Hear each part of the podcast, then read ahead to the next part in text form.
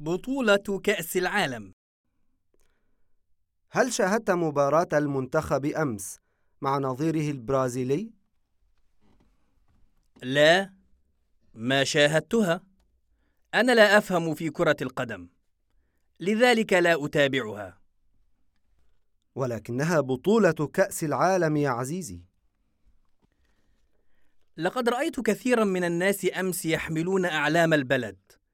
ويتحدثون عن هذه المباراة كيف كانت النتيجة؟ هل فاز فريقنا؟ لا لم يفز انتهت المباراة بالتعادل السلبي صفر صفر إذا لماذا أنت سعيد هكذا؟ المنتخب البرازيلي منتخب قوي وهو بطل العالم مرات عديدة وفيه عدد كبير من نجوم العالم في كرة القدم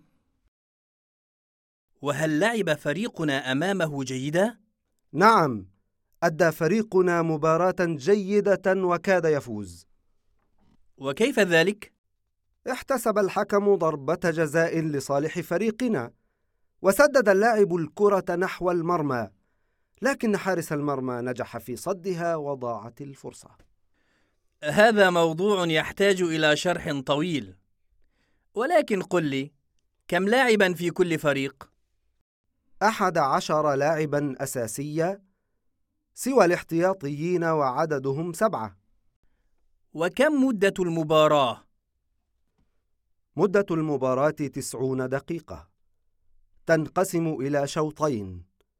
كل شوط مدته خمس وأربعون دقيقة. وبينهما استراحة مدتها ربع ساعة. ومن يدير المباراة؟ يديرها حكم أساسي ويساعده حكمان آخران والفريق الذي يحرز أكبر عدد من الأهداف يفوز.